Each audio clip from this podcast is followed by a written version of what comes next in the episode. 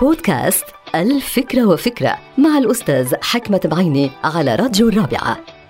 فكرة اليوم لها علاقة بوجود أصدقاء مقربين للموظف في بيئة العمل. هل فعلا أن وجود أصدقاء مقربين لك كموظف يزيد من منسوب السعادة الاجتماعية في بيئة العمل؟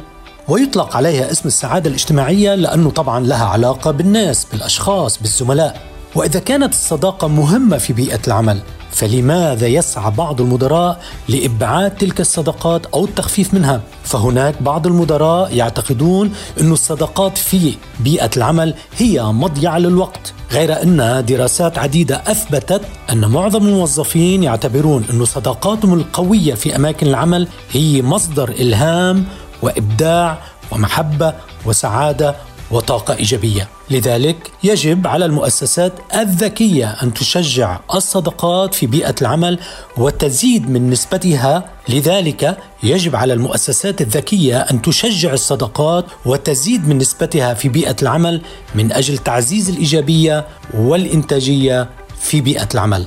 انتهت الفكرة. هذه الحلقة مقتبسة من كتاب الفكرة وفكرة.